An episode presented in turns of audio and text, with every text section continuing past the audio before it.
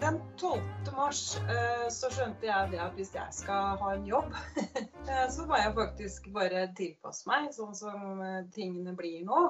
Og så lagde jeg en A4-side over hvordan jeg løste det digitale familierådet jeg faktisk hadde 11. mars. For det måtte jeg ha. Og vi, det var en situasjon hvor jeg skjønte at nå begynner det på en måte å bli litt utfordrende her. Så jeg lagde bare en sånn trappetrinnsak og sendte den til Bufetat. Så jeg tenkte at her, jeg har lyst til å jobbe videre, også selv om jeg må jobbe nesten bare digitalt. Fordi spesielt nå har jo mange behov for støtte fra familienettverket sitt og det tette nettverket rundt. Fordi kanskje kan det offentlige få utfordringer med å komme og gi den samme støtten som man gjør ellers.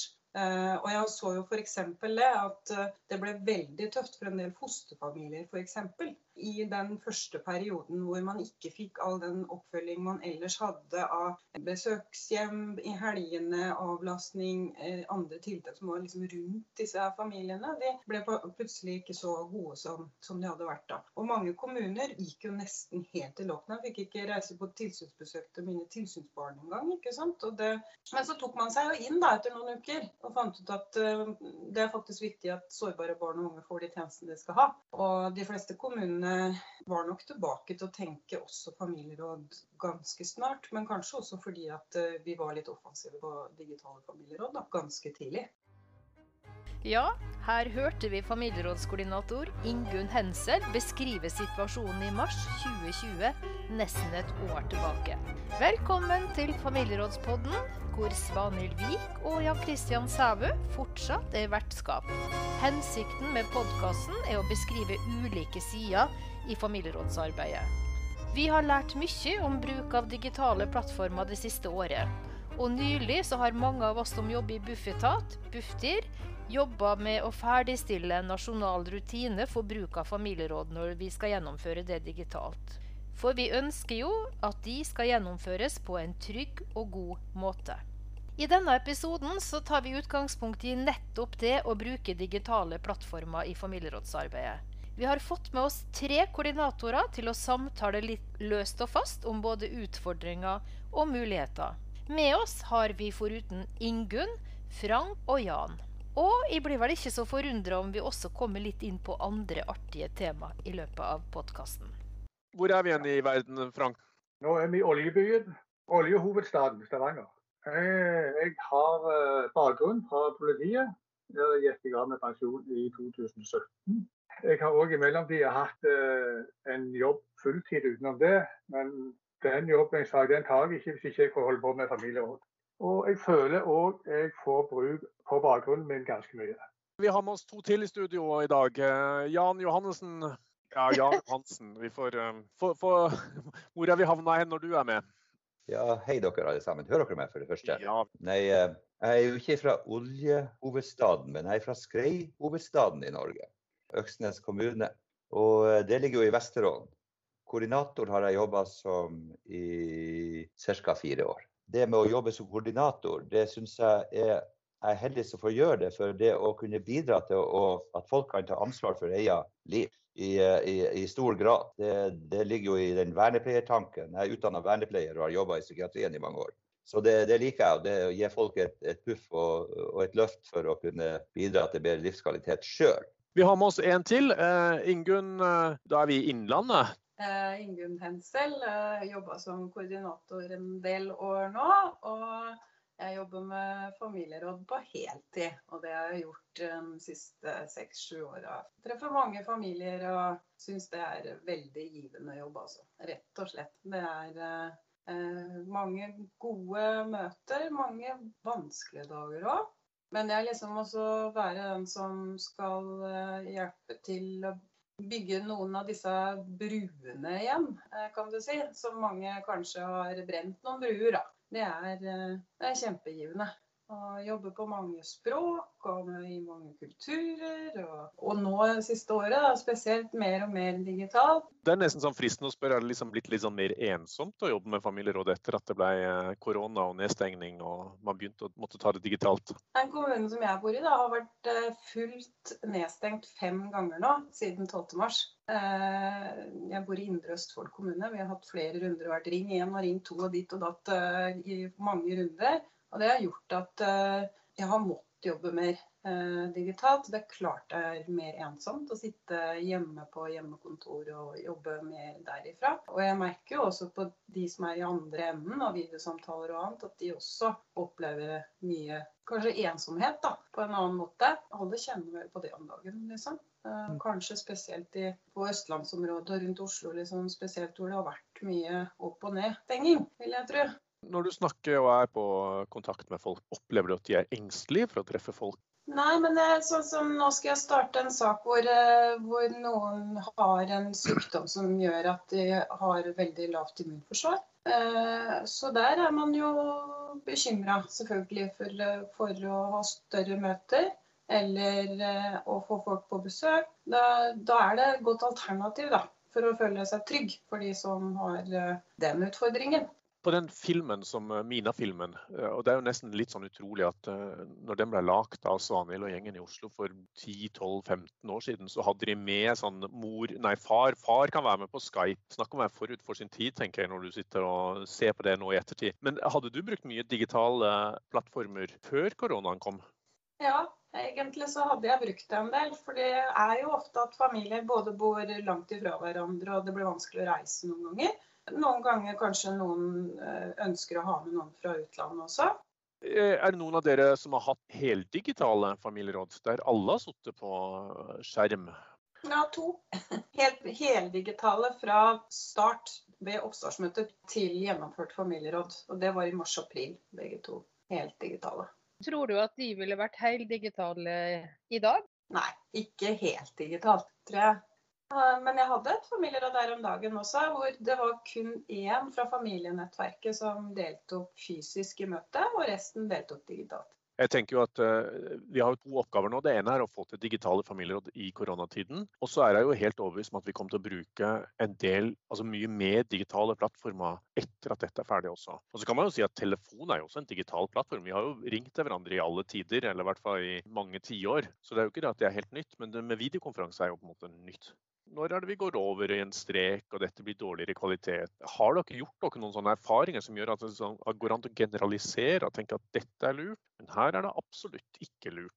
Jeg opplever i hvert fall at eh, jeg får jo ikke den eh, gode kjemien med familien. Altså, du får ikke den gode samtalen, og spesielt barnet da, som er i fokus. Eh, du får ikke de personlige samtalene, og ungene de åpner seg ikke sånn når du sitter på en digital plattform opplevd òg at noen barn trekker seg. De uh, syns det er litt skummelt.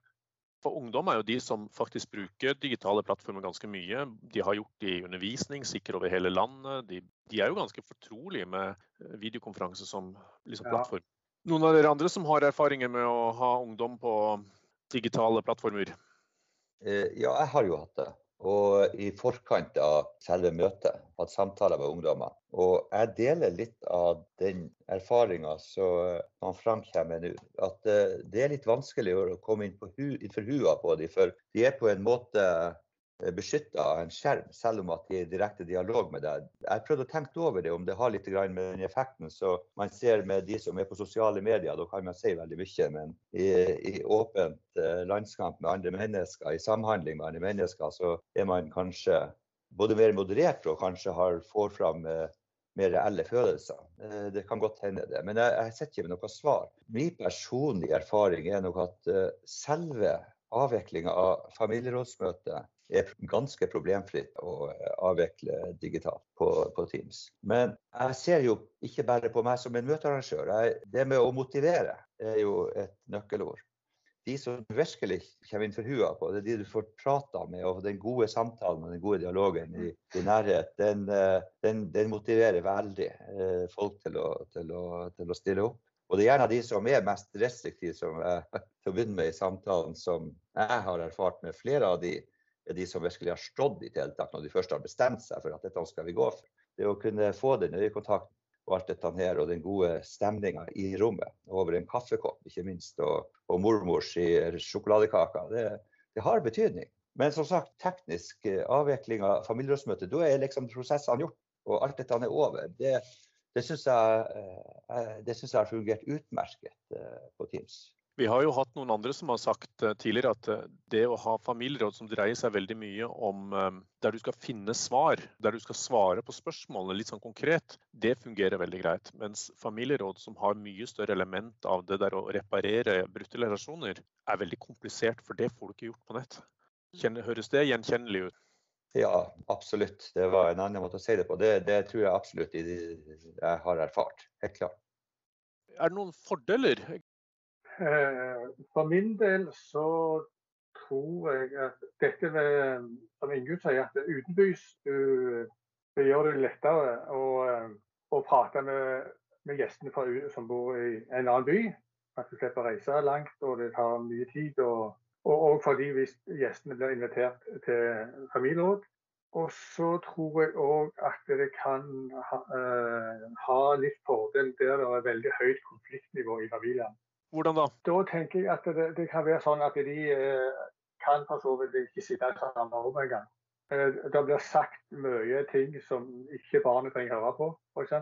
Det høres nesten ut som du sier at det blir mye bedre hvis de kan mute eh, seg sjøl, sånn at ikke alle andre hører hva de sier. Det skyter i det at eh, Jeg har hatt noen sånne høykonfliktsaker som har vært delvis eller helt digitalt. Og Det var en gang vi skulle ha da et eh, oppfølgende familieråd i en høykonfliktsak, og hvor det var pga. koronastengt ikke mulig å møtes fysisk. Og Der var det en av deltakerne som snakka mye og lenge og ofte, og det ble brukt som en hersketeknikk i det fysiske møtet. Det fungerer jo heller ikke så veldig bra digitalt. For når én snakker så, og bryter inn andre, så, så brytes jo lyden på Teams. Eh, så da er det ingen som hører hverandre hvis alle snakker samtidig. Da det bare, blir det jo bare stille. Og så til slutt så var jeg faktisk da med denne damen nødt til å si at jeg ga tre advarsler, og så tvangsmuta jeg vedkommende, sånn at det var mulig å på en måte komme til orde for de andre. Altså Man må ha mye sterkere og strammere struktur. Da. Det blir mm. strammere struktur når det er digitalt. og Det blir lettere å holde fokus på spørsmålene eh, og temaene og liksom på en måte jobbe konkret man mister mye sånn kroppsspråk og andre ting som kanskje man opplever i et fysisk møterom. Ved at nå, man kan være litt sånn oppgitt og sur og sint og, og, sånne ting. Men samtidig så kan man jo da tilbake igjen få det at man kan jobbe mer konkret. Men så kan det ta på Teams også, ikke sant? og da kan man faktisk tvangsmute noe. Men det har jeg, har jeg bare gjort én gang, altså. Hva gjør de når dere har familieråd? Sitter de med mikrofonen av? Jeg har jo ikke hatt så mange, jeg vel hatt fire på Teams. Og da har det vært oppi ti, ja, meste var det vel tolv forskjellige deltakere. Folk som jobber i det offentlige eller er i arbeid, de er kanskje vant til å bruke Teams og er vant til den køordninga som er med at uh, det er noen som prater én i gangen. Da, men uh, flere av disse er jo noen, uh, kanskje noen bestemødre eller onkler eller tante som ikke er så vant med å bruke dette mediet, som egentlig tenker at uh, alle kan prate i lag. Så, så det har vært forstørrende. så Derfor har jeg vært nødt til å, å be alle om å slå av mikrofonene og bruke den der hands up for å si noe. Så der måtte en orden til, rett og slett, for å få det til. Jeg tror det er veldig viktig å, å gå gjennom dette med, med, samtlige før de starter opp i team. Så det er ikke mange som har uh, erfaring med det. Og det hadde vi for så vidt ikke sjøl heller. Så eh, jeg tror det å gå veldig eh, godt gjennom eh, oppstart og hvordan de skal forholde seg før møtet, og ta en test med alle før selve møtet. Sånn at eh, de blir mer familiært med bruken av eh, Teams. Men jeg liker òg best egentlig å ha, ha, at de har av mikrofonen og bare trykker på den knappen når de skal snakke. Og når de blir kjent med dette, så går det ganske uh, greit. Men det gjør jo noe med at det blir litt mer møte og litt mindre privat. Er det mm. riktig å tenke sånn? Ja, det er det. Det eneste som jeg på del to som jeg har eh, vært litt bekymra for, ordstyrer som tok fullstendig styringen. Til tross for at eh, han var godt informert om hvordan dette skulle være. Men her var det en, en eh, mye uenighet i familien innad, og han var en sterk person. Dette med ordstyrer, og faktisk kan ta styringen og legge sine meninger inn i familierådet, det ble jeg i hvert fall veldig obs på i ettertid. Men eh, altså, når det gjelder Teams, her er jo begrensninger med dette mediet her som gjør at man må jo også bruke det sånn at det blir optimalt for, eh, for møtestruktur. Så det blir en møtestruktur, selv om at den, den gode samtalen kan man allikevel oppnå når man trener litt på det. For noen som er med på det for første gang, så kan det oppleves litt, eh, litt kunstig. Men eh, når det er begrensninger, som Ingunn sa, at hvis alle prater i munnen på hverandre, så detter jo alle ut. Så det, det, må man jo unngå. Man må jo få en, en viss struktur. Og så vil jeg også kommentere det med Teams kontra telefon. Man må jo rangere ting. Eh, det med et, det nære møtet er jo det som man gir karakter ti, og så kanskje telefon eh, fem, og så er Teams en plass midt imellom. For det er tross alt bedre enn å være på telefon. For det med å ha øyekontakt, det har jeg jo med dere òg nå, og jeg syns det har jo mer betydning enn om jeg prater med dere på telefon.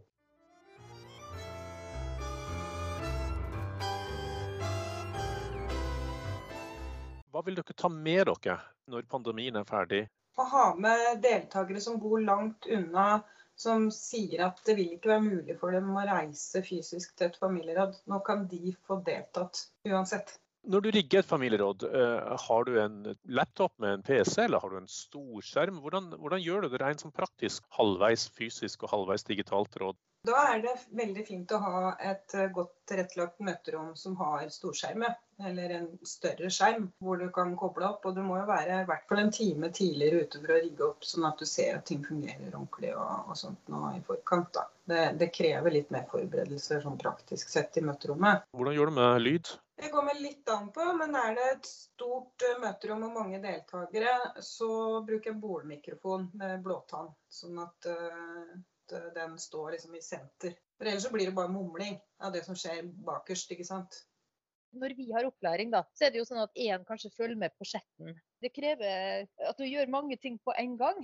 Og Hvis man da både skal ha orden på det tekniske, bestefar har datt ut, du trenger litt bistand til det, samtidig som man skal på en måte ha møtestrukturen. og Det er jo nesten sånn at man skulle hatt en liten assistent Yes, skulle gjerne. Her får vi tommelen opp, ja. Det er krevende å lede et møte og passe det tekniske samtidig.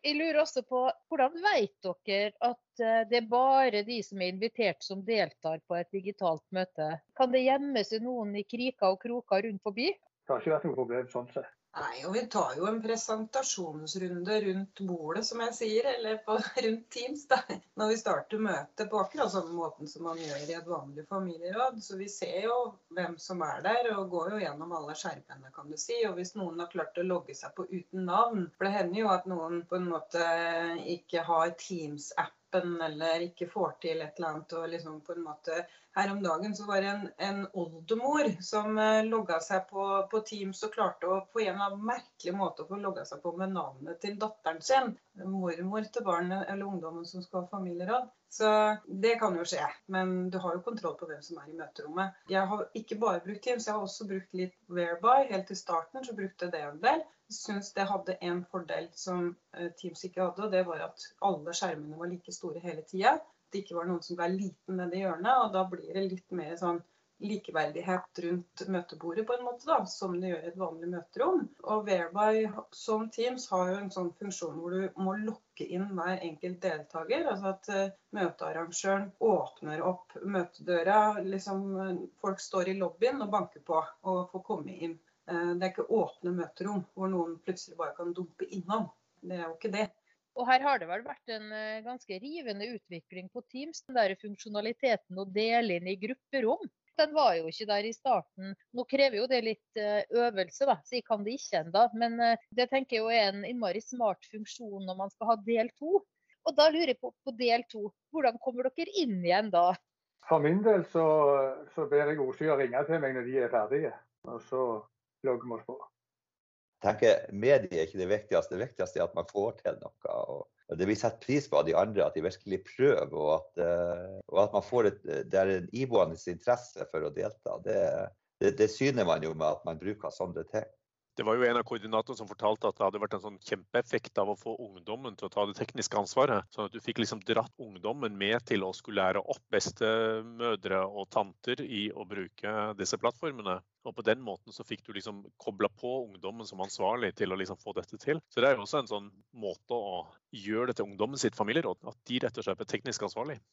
Du, Hvis vi hadde bestemt f.eks. at um, alle barn som skal i familieråd, de skal vi treffe fysisk. Vi skal ikke treffe de på digitale plattformer. De skal vi faktisk treffe fysisk, så lenge vi får lov. Eh, altså Akkurat nå har vi koronanedstengning, det kan være sånn. Hva hadde dere tenkt om det?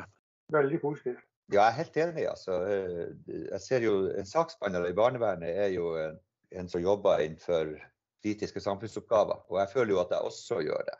Eh, selv om jeg er i en annen rolle. Så hvorfor skal ikke jeg kunne gjøre det når en saksbehandler gjør det? Og jeg er veldig enig med deg. Hvis barnevernstjenesten sier at dette er viktig familieråd, så er dere på samme måte som alle andre som jobber med dette, samfunnskritisk. Det er ikke hvor du får lønn av de som avgjør om det er samfunnskritisk, det er faktisk en oppgave vi har eh, med å gjennomføre dette som er samfunnskritisk.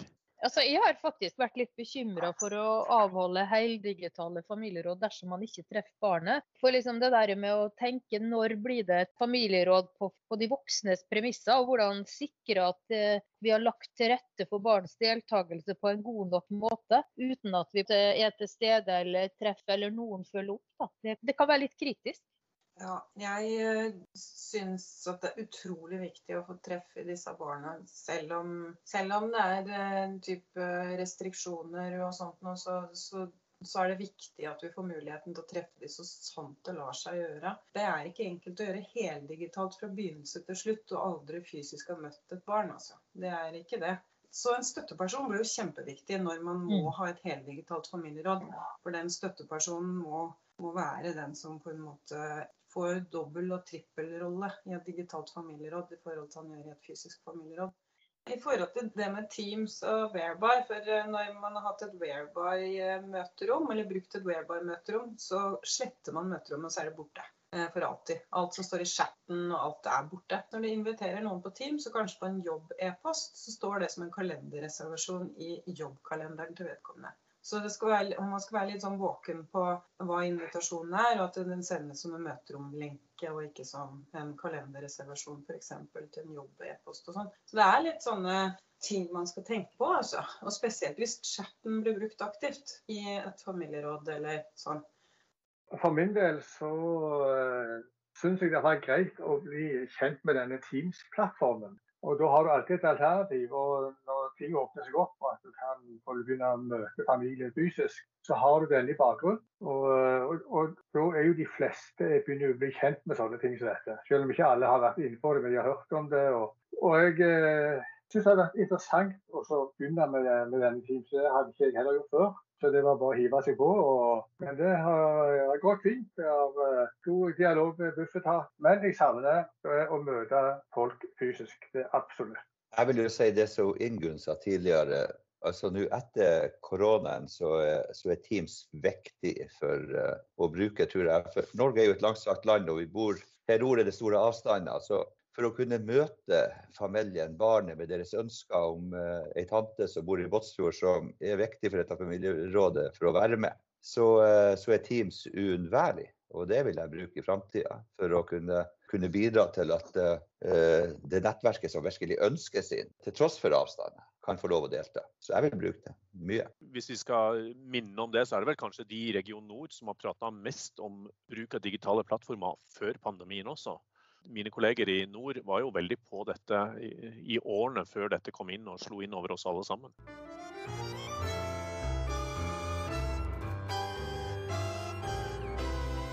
Ja, du er oppe i Skreilandet, og nå har jeg faktisk akkurat uh, spist et kjempegodt greimåltid. Og vet du, her i Oslo vet du, den koster jo 379 kroner kiloen. Det er sikkert helt uhyrlig.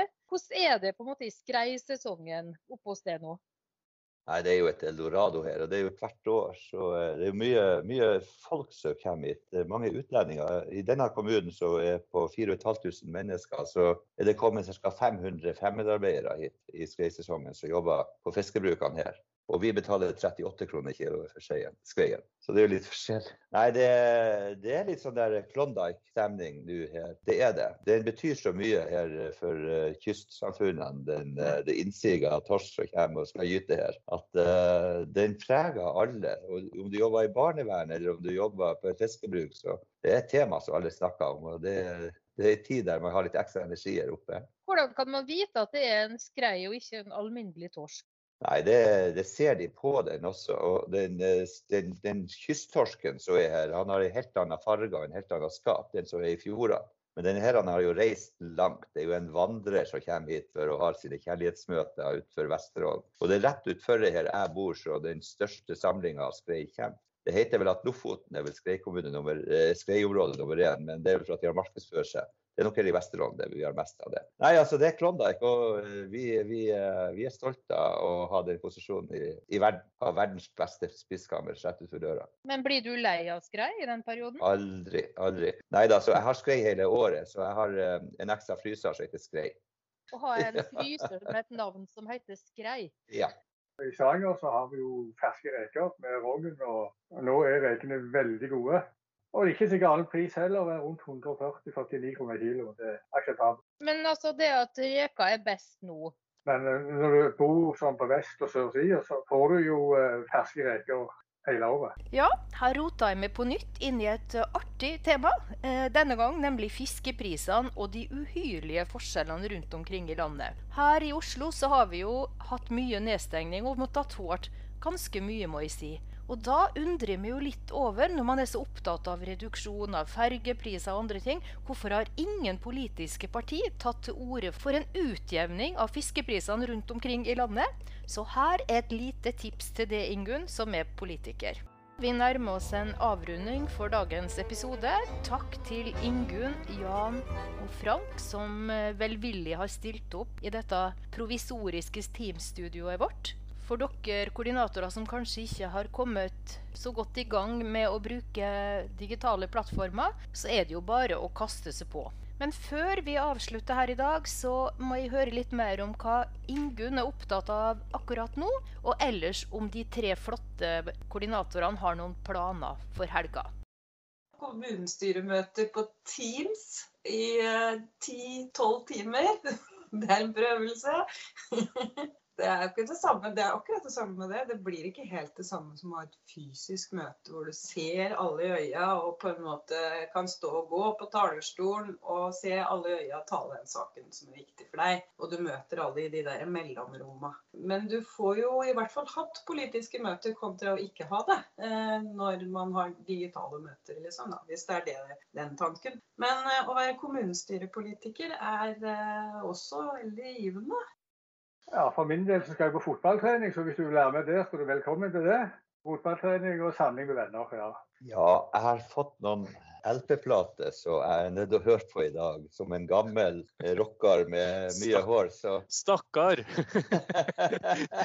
en slitsom jobb med noen LP-plater ja, som må Ja, ja, ja. Det blir hardt. Jeg skal, jeg skal, prøve å være sosial med familien i tillegg, men ikke da. Da blir jeg helt alene på rommet mitt. Hva er det du ser spesielt frem til? Ja, det er 'Get Your Yayas Out' med Rolling Stones, selvfølgelig. En, en, en ikonisk framførelse fra Hamburg. Så uh, yes. Ingunn? Ja, det hadde vært veldig hyggelig å ha noen gjester på besøk. Det er en god middag. Det er en stund siden sist. Ja, her fikk vi jo virkelig gode forslag til helga. Når det gjelder Jan Christian, så har jeg fått med meg at han har tenkt seg på hyttetur. Og sjøl så har jeg vel ikke de altfor store planene. Dagens høydepunkt er en tur på Meny og se på fiskedisken og spørre liksom det samme spørsmålet. Ja, hva er den siste fisken som har kommet inn her, da? Så må de sjekke på nytt. Jeg er sikker på at jeg blir omtalt på Meny. Sånn her, så må de bla opp, da. Gå gjennom hva var den siste fisken som har kommet inn. så kjøper jo gjerne den.